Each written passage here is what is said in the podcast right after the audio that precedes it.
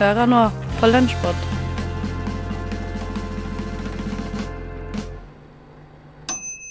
God formiddag og hjertelig velkommen til enda en lunsjpod her på Radio Nova. Denne uken så er det meg, Theis Magelsen her, som står bak spak og klaff. Og de neste 30 minuttene så skal du få kose deg med noen av godbitene fra den forrige uken her på kanalen. Og Det er kanskje ingen overraskelse at eh, valentinsdagen den sto i fokus i mange av programmene våre. Og det gjorde den definitivt hos Baklengs inn i Lånekassa, der Eirik Bang gikk musikkens veier for å få ut litt eh, frustrasjon.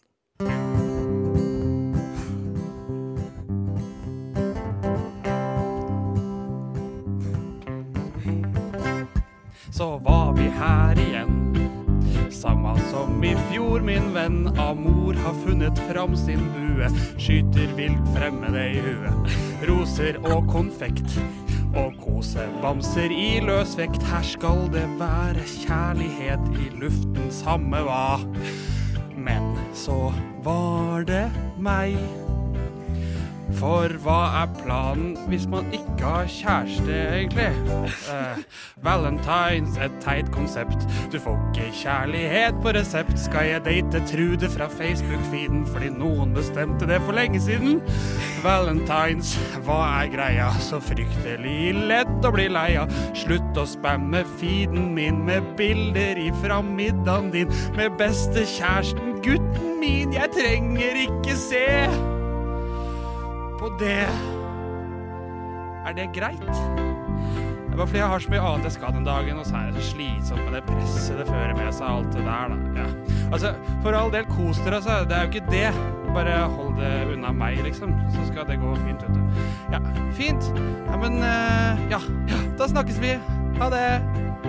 Jeg tror nok Eirik setter fingeren på en, en, følelse her som mange av oss nok har kjent på den siste uka. Altså fra et av de aller ferskeste programmene her på Radio Nova, eh, baklengs inn i Lånekassa. Torsdager fra ett til to. Du lytter til Radio Nova. Ja, det var flere som lot seg inspirere av eh, Amors pil.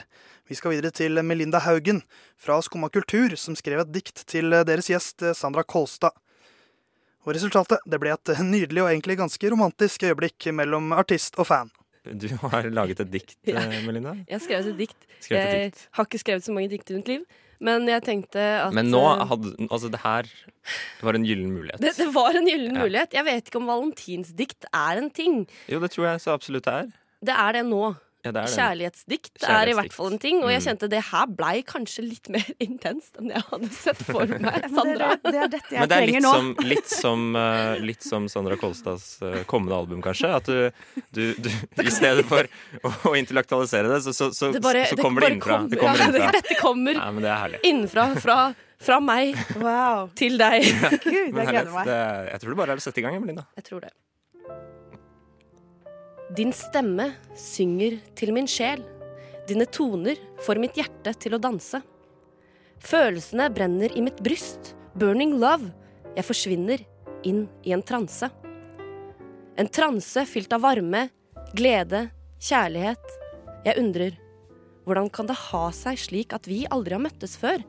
Du og jeg, din største beundrer. Bokstaver blir til ord, ord blir til setninger. Setninger blir til historier. Historien om oss. En kvinne fra Bærum. En jente fra Vestfold. To verdener møtes, forenes og danner et kjærlighetsforhold. Et liv med innhold. Blå øyne, blått blod. Regenten i mitt liv. Kjære Sandra, vil du være min valentin? Det er jo helt nydelig, Melinda. Her har du jobba lenge med, det kan jeg høre. Det her er, og det kommer, jeg har ikke sovet i natt. kommer fra innsiden. Eh, men du, det er jo det dypt vært... rørende. Tusen takk, må bare jeg si. Fy søren, for en uh... Svarer du ja? Jeg svarer ja. Yes! 100 Plutselig så jeg håp i livet igjen. Nå har vi fylt tomrommet. Ja, fylt tomrommet. Ja, på alle måter. Dette lite visste jeg da jeg våknet i dag, på valentinsdagen. Du skulle få ditt eget valentinsdikt. Tomrommet til Sandra Kosta er, er fylt. Herved fylt. Eh, og da er det bare å um, ta fatt på oppgavene som venter. Ja. ja. Vi gleder oss veldig. Tusen takk. Tusen takk for at du eh, kunne komme. Takk for meg, og takk for diktet. Nå går jeg løftet ut i den grå hverdagen. Så bra. Takk for at du var her. Jeg tviler ikke et sekund på at den vakre stunden hevet valentinsopplevelsen til både Sandra Kolstad og eh, Skumma kulturmedlem Melinda Haugen. Og det var Håkon Hammeren som var programleder i Turtelduenes lyriske romanse. Du hø hø hører på. på Radio Nova. Radio Nova. N-O-V-A Nova. Listen to me. Yo, are you listening? Fra romanse videre til ja, skal vi kalle det en 30-årskrise, kanskje. Synnøve Berg Meisingseth og Et eget rom utforsket i hvert fall hvordan det er å runde 30. Eller kanskje enda viktigere, hvordan det er å tenke på at man nærmer seg sitt tredje tiår her på jorda. Tenk om du på en måte er 30 år, og så har du, føler du at du har, har gjort en dritt. Og så sitter du her, og så bare skal du liksom feire 30-årsdagen din. Og så bare vil du egentlig ikke feire det, men så må man jo feire, for det er jo bursdag. Ja, tenk om du sitter her på bursdagen din som du egentlig ikke vil feire, og tenker at du ikke har fått til en drit, for å bruke Nora sine ord. Kanskje sitter du der og ser tomt ut i lufta mens eh, mamma Randi holder en ganske middels tale om at du alltid har vært en sta og bestemt jente, og ei jente som vil gå din egen vei. Så drar hun kanskje paralleller til sitt eget liv. Jeg var 30, hadde jeg allerede to barn. Og ja, og ny jobb i fylkeskommunen. Jo da, jo det gikk i ett, vet du. Han skimter kanskje et snev av passiv aggressivitet, for det mamma Randi ønsker seg mest i hele verden, er å få barnebarn. Og du? Du har ikke engang kjæreste, og har i grunnen ikke hatt det siden første videregående. Det du har aller, aller, aller mest lyst til, er å rømme fra hele situasjonen, komme det langt vekk fra denne uønska bursdagsfeiringa. OK, vi stopper den dystre historia der. Kan en 30-årsdag føles så kjip? Er Nora sine bekymringer verdt å ta inn over seg? Og finnes det spesifikke forventninger til en person som fyller 30? Eller kan vi ta det helt med ro? Vel, ifølge mamma så kan vi det. Nei, akkurat 30 det var bare en dag som føyk forbi uten at Jeg hadde ikke noe sånn milepæl eh, ikke noe sånn, kan ikke huske at det var noe sånn spesielt ettertanke. Men tror du, eller Kan du huske om du var nervøs før du fylte 30, da, eller tenkte mye på den dagen? Det å bli ferdig med 20-åra? Nei, det, det, tror jeg, jeg Du var nå under et år da, og jeg tror jeg var, jeg var liksom følte at jeg hadde blitt voksen. Jeg hadde hadde fått hus og Det var liksom bare helt naturlig å fylle 30 da. Livet hadde kommet i en annen fase i alle tilfeller. Så for mamma, som nå er 50 år, så var det helt i orden å fylle 30. Ingen big deal i grunn. Men kan det henge sammen med at hun allerede var ganske etablert på den tida? Eh, ser du for deg at du var singel, da? Ja, da tror jeg kanskje du At jeg mer hadde tenkt på at dette var en sånn større milepæl, da.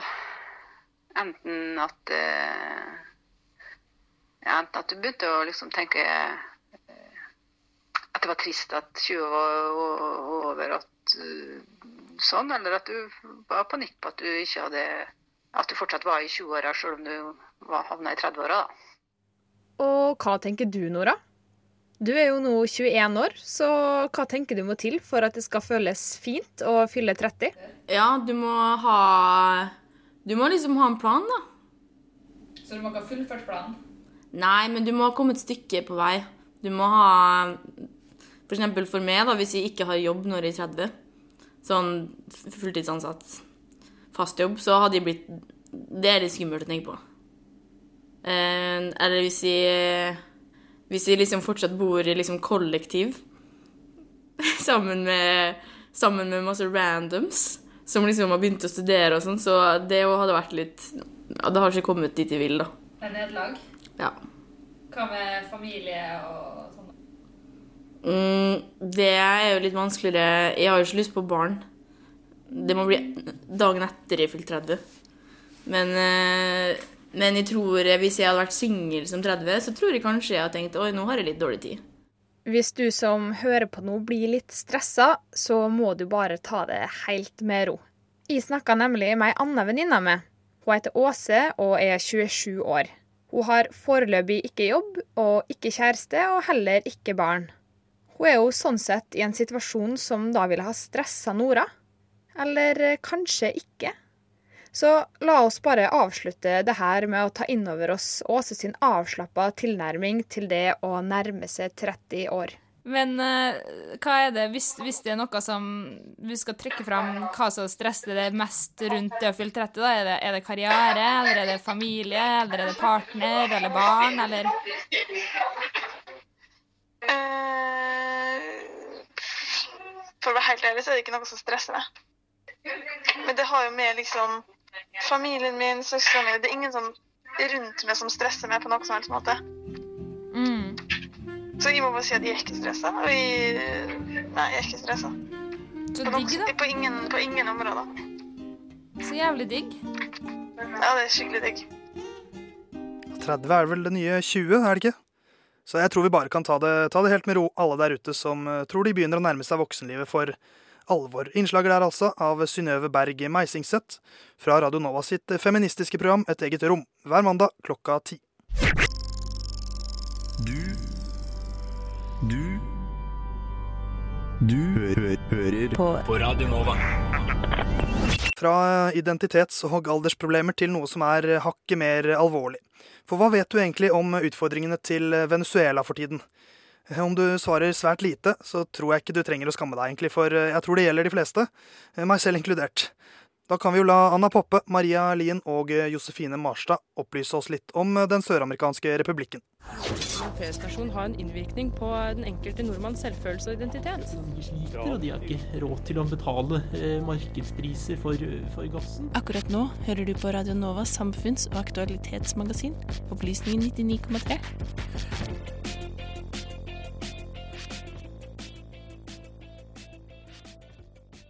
Josefine og Maria, ja. hva, hva vet dere egentlig om Venezuela? Jeg må egentlig innrømme at eh, jeg ikke vet så veldig mye mer enn at uh, det jeg leser uh, av og til nå i det siste. Så nei, jeg vet svært lite, egentlig. Samme her. Ja, fordi da kan jeg jo si da at Venezuela det er det landet i verden med størst oljereserver.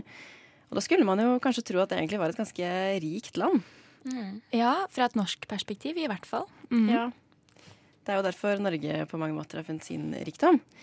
Men eh, landet er faktisk ikke så veldig rikt. Det er preget av såkalt hyperinflasjon, og befolkningen opplever en stor mangel på nødvendige varer. Og pga. landets store verdier opplever Venezuela at stadig flere nasjoner, bl.a. USA, ønsker å involvere seg i situasjonen. Men hva skjedde egentlig med Venezuela? I Ukas opplysning så skal vi møte Armando Sotsi, som har oppvokst i Venezuela, men forlot landet for tolv år siden.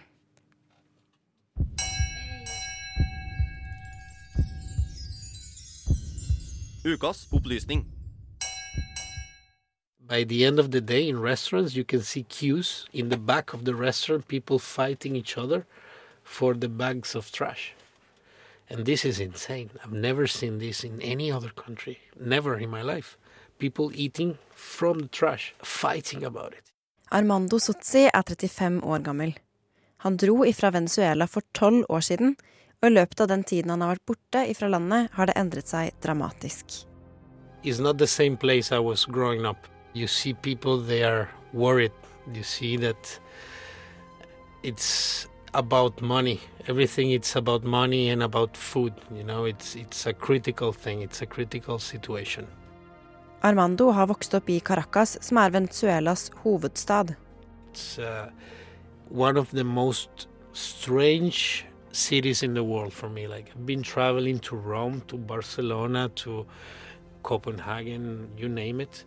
And Caracas has this particular perfect disaster because it's it's beautiful, but it's smelly, it's uh, dirty as well.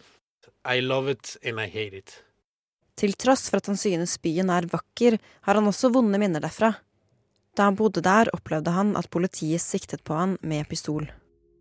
I got pointed a, a gun in my head and by a policeman as well. And he said to me once, if I kill you right now and I throw you in the river, nobody will notice. That was the time of my life that I felt most scared. My knees were shaking that day. Han forteller at slike hendelser har blitt mer og mer vanlig i Venezuela i det siste. Det antas at omtrent 90% av befolkningen i Venezuela er rammet av fattigdom. Det er fordi landet er rammet av en såkalt hyperinflasjon. Men hva betyr egentlig det?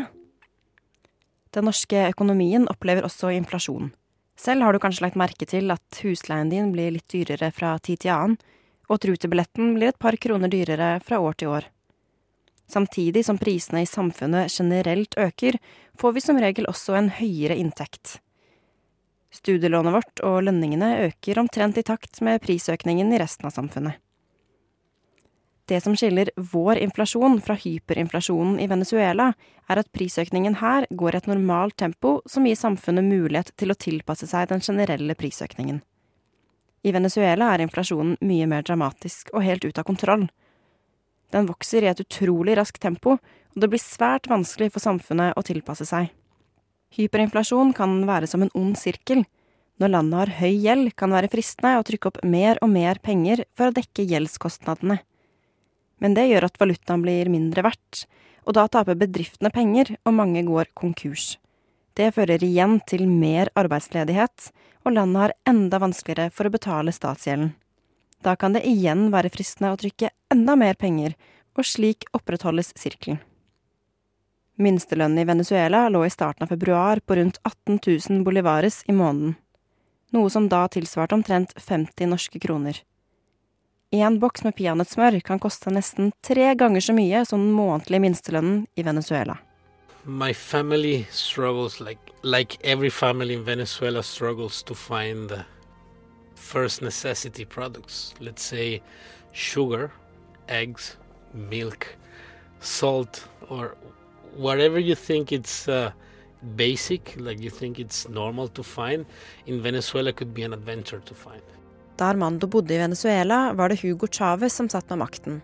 Han styrte landet fra 1999 til 2013. Chávez is the guy who finally could destroy Venezuela. Chávez var like forhatt blant sine motstandere som han var elsket av sine tilhengere.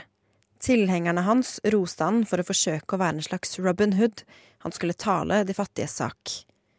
Motstanderne sa at han var autoritær og maktsyk. I løpet av Chávez tredje presidentperiode fikk han gjennomført en endring i grunnloven som gjorde at han kunne stille til gjenvalg så mange ganger han ville. Han styrte landet til han døde i 2013. Det var Nicolas Maduro som tok over makten da Chávez døde. What did I think when Maduro took power? Well, he's a clown. He doesn't know how to handle a country. Maduros presidentperiode har vært preget av alvorlig økonomisk krise som følge av fallet i oljeprisen. Som et resultat av det er landet utsatt for en hyperinflasjon og stor mangel på nødvendige varer. Regjeringen har mistet mye av støtten de før hadde fra folket, fordi Maduro har vanskelig for å håndtere problemene i landet. Opptøyer og sammenstøt mellom opposisjonen er vanlig i dagens Venezuela. Maduro har oppløst parlamentet og forbudt opposisjonspartier å delta i valg. Men Venezuela har for øyeblikket to presidenter. Maduro, som tok over makten etter Chávez, og Juan Guaidó, som flere vestlige nasjoner, bl.a. USA, mener burde ha makten i Venezuela. It's not that I like him, because I don't, but I support his cause because I think it's the only viable way to get out from this. Armando har fremdeles familie i Venezuela som han holder kontakten med. It worries me that something could happen to my parents uh, unrelated to health, you know, like being robbed or kidnapped. This is like one of my biggest fears. Han sier at han nok ikke kommer til å flytte tilbake slik situasjonen er nå, men han savner Venezuela slik det var da han vokste opp. My first love, my my first everything was in that country, you know, like I I left a part of me there, or there is a part of Venezuela in me. Dårlige ledere i kombinasjon med økonomiens krefter, altså. Det rammer nok litt bredere og litt mer alvorlig enn det man egentlig liker å, tenke på. Så vi får krysse fingrene for Armando, familien og hjemlandets fremtid. Det var Anna Poppe eh, der altså, fra Radio Nova sitt samfunns- og aktualitetsmagasin Opplysningen 99,3, som går eh, hver fredag klokken ti. egentlig sagt det, men jeg kan si det en gang til. Radio Nova. På, på nettradio. På radionova.no. Jeg har egentlig sagt det, men jeg kan si det en gang til. Radio Nova. Serial, Purk eller skurk, to hvite menn. Rekken med true crime-aktige podkaster den blir bare lengre og lengre. Og, og kanskje likere og likere. Philip Helgar og Christian Kilde fra satireprogrammet Radiotjenesten har i hvert fall laget sin versjon. Velkommen til Milliardær eller rasshøl. En podkastserie som utforsker de mørkeste sidene ved de rikeste forbrytelsene. I dag skal vi til et sted ikke mange hadde hørt om, før det hendte en oktoberkveld i 2018 at Elisabeth Hagen forsvant sporløst fra sin bolig på Fjellhamar i Lørenskog. Gjennom grundig etterforskning har man funnet ut at milliardær Tom Hagen, hennes mann, høyst sannsynlig ikke er involvert i kidnappingen. I dette programmet skal vi finne ut hva som faktisk skjedde med Anne Elisabeth Hagen. Vi kjører til Lørenskog og oppsøker Tom Hagen. Jeg, jeg ringer Tom, jeg. Hallo, det er Tom. Ja, hei, Tom. Vi er på vei, eh, vi er på vei nå, vi. Vi er hos deg om en eh, ja, fem-seks minutter. Ja, ja. Bare ring på når dere er her, det. Ja, da ses vi snart. Hei. Hei. Vi parkerer foran et hvitt hus. Da har vi kommet fram til huset til eh, Tom Hagen, og det, og det som slår meg med en gang, er at dette ser ikke ut som et hus som eh, en milliardær eh, bor i. Vi ringer på, og en mann åpner døren. God dag, god dag, god dag. Nei, men Stig på. Kom inn. takk skal du ha. Det er Tom Hagen. Han har en vennlig figur og hilser høflig.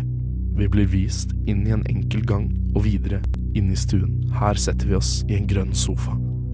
Stuen er enkelt pyntet med svært dyre gjenstander. Vi spør Tom om hvordan det går, om han tenker mye på Anne Elisabeth. Nei, ja Jo, jo, jeg savner jo hun Anne, da. Det er noe fryktelig også. Det, hun var jo flott dame, og hun var flott til å være på min alder, ikke sant. Så hun var flott. Ja, hvem, hvem er det du tror kan ha tatt henne? Nei, ja, det må være noe, noe Kina eller noe Russland eller eh, Nei, eller noe, noe sånt balkansk, da. Nei, har Ja, vi har faktisk ikke sløring, altså. Det er tydelig at Tom er svært berørt av saken. Han har til og med tatt av seg gifteringen. Kunne vist oss eh, rundt, eh, Tom. Tom vil gjerne vise oss rundt. Vi starter på Elisabeths gamle rom. Ja, her inne så pleide han Elisabeth å ha sine ting, da. Jakker og skrin og ja. Ja, men hva er det, hva er det nå, da? Det er jo madrasser på hele veggene og gulvet og Ja, og, og, hvem, og hvem er de unge damene som sitter på terrassen der og, og røyker der? De har på seg sånne derre franske vaske... Nei, de, de der, det er jo Det er sånne ja, Nei, det er vaskedamer, da.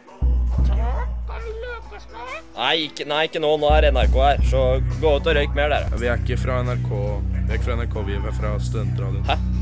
Nei, uh, hva, hva er den rosa sprayflaska her, eh, Tom? Det er Vanish, bare. Sånn, uh, sånn noen flekker. eh. Tom viser oss videre rundt i huset. Men uh, den situasjonen, Tom, hva, hva skjer med forsikring og så videre? Nei, det er jo det verste med det. Jeg hadde jo akkurat kjøpt en sånn svindyr og jævla bra forsikring til hun Anne, da. Så nå, uh, hvis hun er død, så sparer jo jeg fort opp en 400-500 millioner kroner, ikke sant?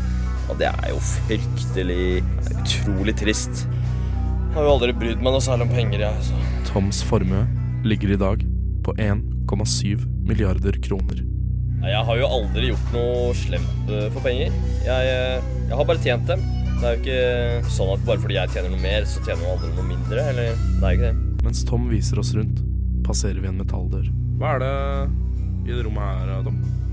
Nei, der inne har ikke jeg, har ikke jeg vært. Den døra har aldri blitt åpna. Så det Jeg har ikke nøkkelen til denne gang, ja. Så det hva, hva er den nøkkelen som henger her i, i karmen? da, Tom?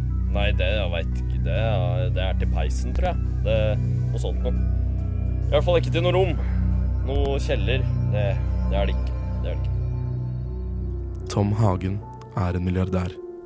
Han er ikke et rasshøl. Dette kan vi fastslå ettersom det ikke finnes milliardærer som er rasshøl. Neste uke skal vi til Russland og møte en oligark som skyter villsvin ut gjennom et vindu i badstuen sin i Sibir. Men er han en milliardær? Eller er han et rasshøl? Milliardær eller rasshøl der, altså, av Philip Helgar og Christian Kilde. Og jeg merker jeg håper det faktisk kommer en andre episode i neste utgave av Radiotjenesten, fredager klokken 12.00. Hva Nova er best. Alle andre er tapere. Radio Nova. Mm. Den norske nasjonalretten pizza den forkjørte seg i forrige ukes episode av Umami, som er Radio Novas eget matprogram. Og det er Miriam Folland og Henrik Evensen som fortsetter sin jakt på fastfood som ikke gir deg dårlig samvittighet.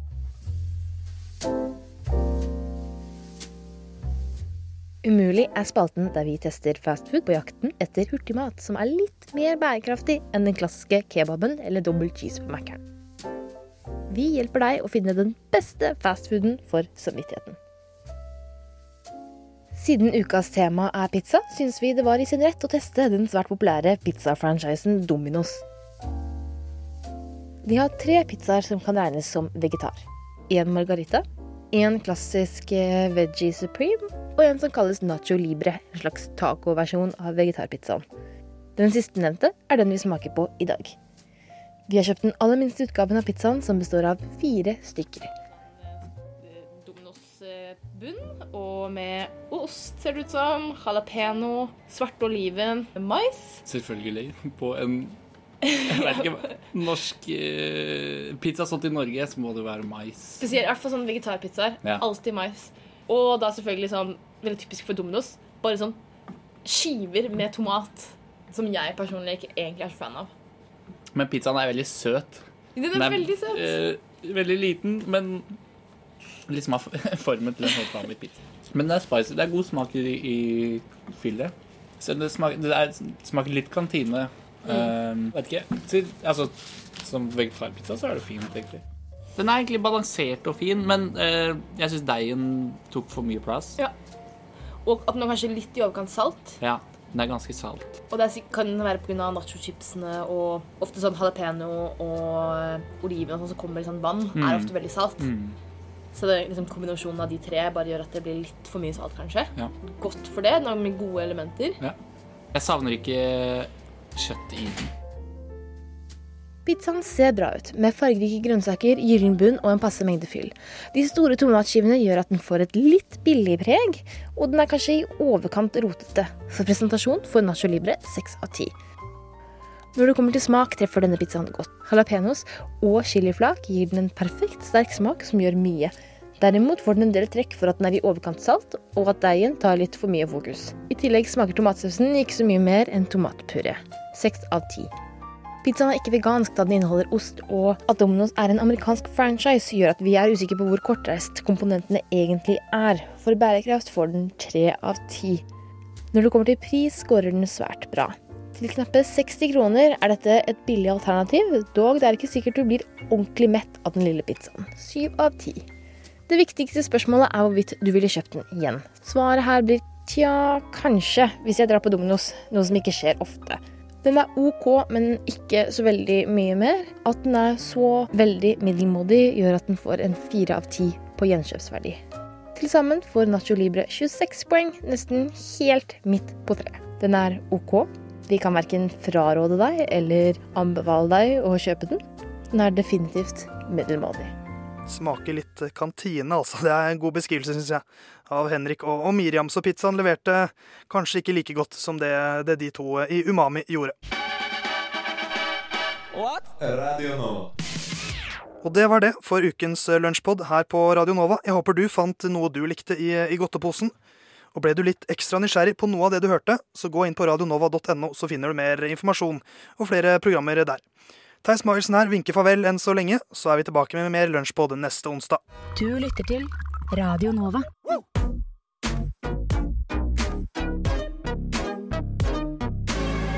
Radio Nova. Studentradioen i Oslo. Radio Nova. Ja. ja. Hva? Nova? Ja.